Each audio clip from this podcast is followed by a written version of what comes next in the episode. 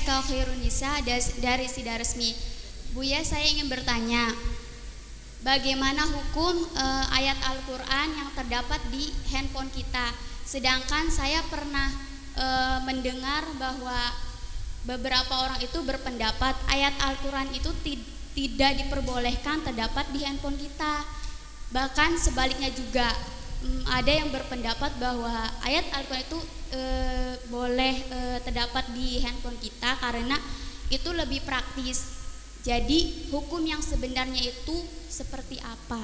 Terima kasih Bu ya. Wassalamualaikum warahmatullahi wabarakatuh. Coba di, di diulangi lagi tadi, diulangi di fokus benar pertanyaan tadi.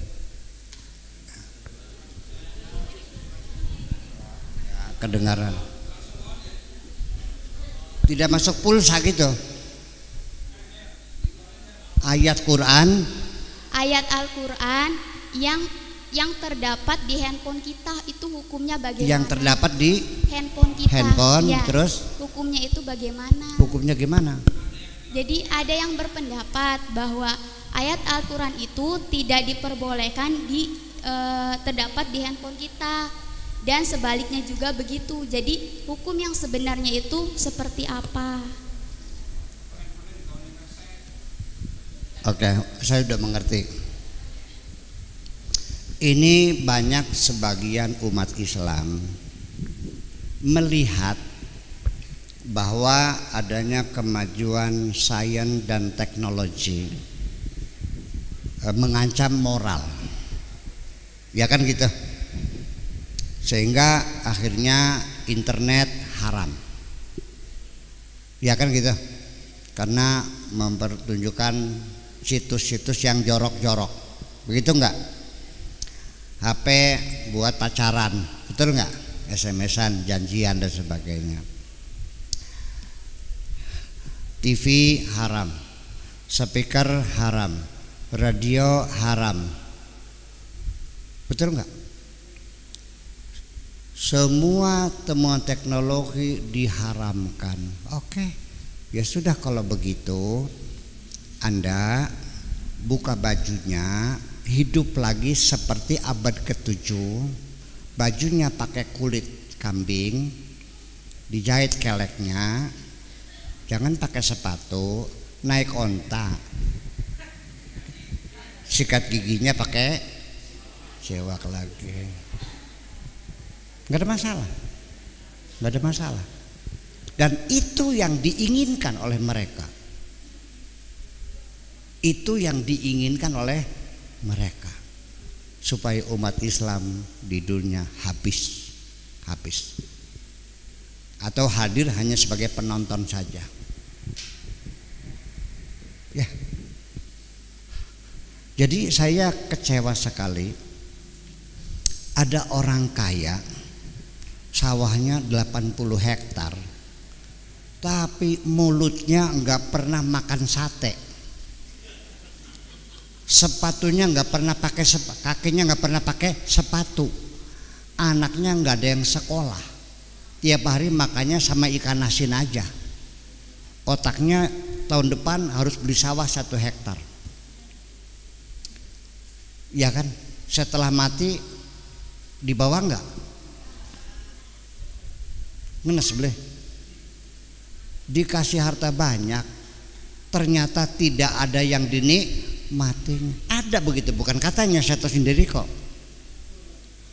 Orang di alam dunia Allah mengatakan walakum fil ardi mustaqor wa mataun ilahid. Silakan kesenangan. Di sininya lagu-lagu yang enak-enak diharamkan. Telinganya nggak pernah mendengarkan lagu yang enak-enak. Tapi tapi kalau caci maki haram itu boleh pahala. Ya. TV haram, radio haram, ya Allah. Udah hidupnya dinya pas-pasan, buat makan aja susah. Dengan ingin ternyata manjing suargane batal.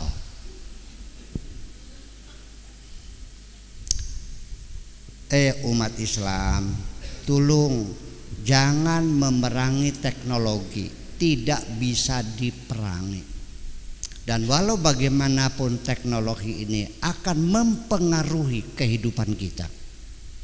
Betul nggak? Sekarang 4.0 sudah tidak bisa dibantah. Kita akan berubah semuanya. Nanti pabrik-pabrik ini yang bekerja robot bukan manusia. Tahu pabrik mobil tuh? Berapa yang kerja? Sedikit. Iya, hanya di yang macam-macam tombol aja. Semuanya yang melas ini semuanya pakai robot semuanya. Yang kita persoalkan bagaimana anak-anak kita untuk hidup di masa depan. Kalau kerjaan udah nggak ada, bagaimana? Bagaimanapun ke depan kita harus lebih lebih canggih lagi, harus belajar, harus belajar belajar. Nah kalau ininya diharamkan segimana? Saya setuju internet itu menampilkan gambar-gambar. Ya betul ya? kadang-kadang lagi ngerti ya kadang-kadang nongol aja gambar yang gak bener tuh. Ya kan gitu menawarkan. Eh begini bu. Internet itu adalah replika dari kehidupan. Di internet kita cari ilmu ada betul nggak?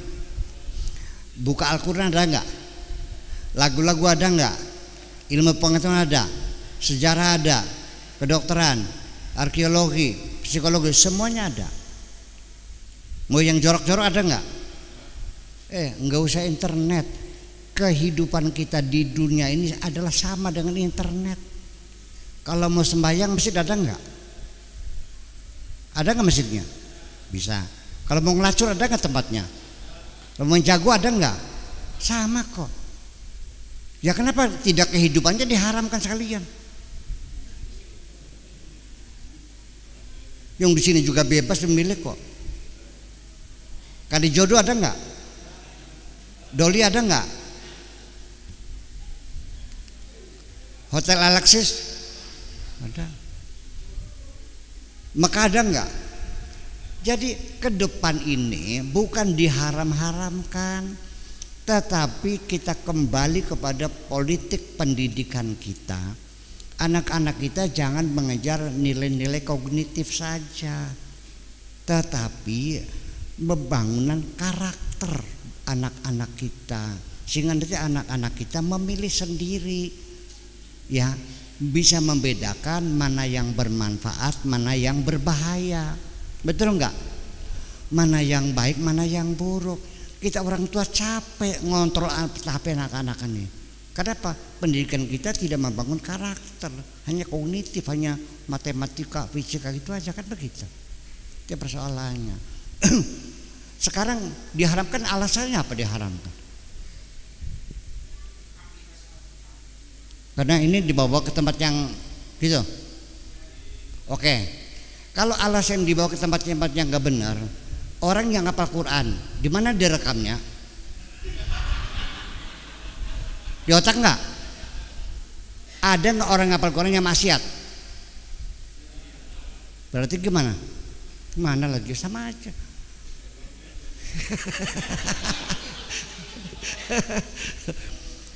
Orang ngapal Quran ngelacur ada kan? Iya, gimana tuh? Haram nggak otaknya? Malah justru dengan adanya Al-Quran di dalam HP ini itu adalah menguntungkan umat Islam sendiri. Paham nggak? Jadi jangan Anda merasa bangga orang Arab dulu itu hafalannya kuat Al-Quran dihafalkan semuanya eh mereka menghafal Quran itu karena alat rekamnya belum ada hanya otak pulpen belum ada tinta belum ada kertas belum kertas itu abad ke-8 loh mulai dibuat tuh iya belum ada kertas belum ada fotokopi, belum ada mesin tik. Mereka menulis tuh di pelepah korma, juga pakai pahat. Karena pakai pahat, maka orang Arab kalau nulis dari kanan ke kiri. Kalau dari kiri ke kanan gimana? Kenang endas boleh. gitu. Tetapi saya tetap menghargai menghargai keyakinan orang. Ya sudah, kalau Bapak mengharamkan HP, ya sudah Bapak jangan pakai HP. Betul nggak? Kalau Bapak mengharamkan Al-Quran di HP, ya sudah jangan dimasukkan dong. Teh ini di ruang privat Anda silakan. Jangan dibawa ke ruang publik. Jangan diajarkan kepada orang lain. Jangan melarang orang lain. Silakan saja. Yang pakai apa namanya cadar, silakan untuk diri Anda, tapi jangan dibawa ke ruang publik memaksa orang harus pakai cadar atau menghinakan orang yang tidak pakai cadar dong. Betul enggak? Ya kan? Tetapi ketika negara punya aturan, ini kantor negara, Kementerian Dalam Negeri, pakai CCTV, semua yang masuk keluar masuk harus tahu identitasnya, aturannya harus buka, ya harus nurut dong, jangan lawan gimana lagi? Kalau nggak mau jangan masuk kantor negara. Itu aja kok persoalan, kok susah banget sih. Jadi jangan saling menyalahkan, tetap sadar harus kita hormati itu hak privat seseorang. Nggak boleh dong. Saya menanya, Bu, boleh nggak orang menutup bibir sumbingnya? Pakai cara, boleh nggak? Boleh.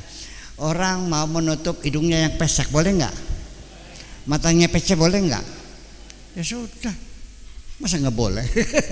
gitu. Atau menjaga kehalusan pipinya supaya jangan banyak debu yang sudah e, banyak tercemar begini. Boleh nggak?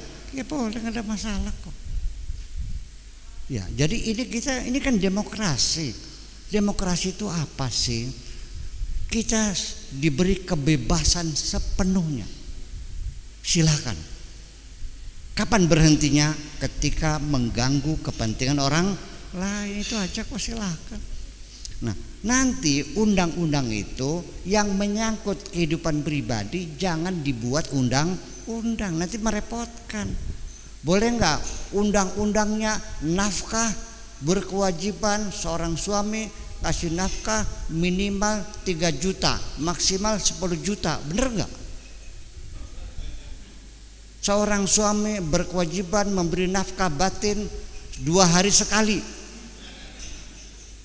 Kalau tidak dihukum gitu, yang ngaco sekarang. Hal yang pribadi jangan diundangkan, betul nggak? Nah, ketika tatanan kehidupan bersama yang di situ kepentingan berbeda, nah di situ pakai undang undang-undang supaya yang ada benturan-benturan itu aja undang-undang begitu salahnya. Apalagi tahlil yang ada urusan. Ya ini juga sama.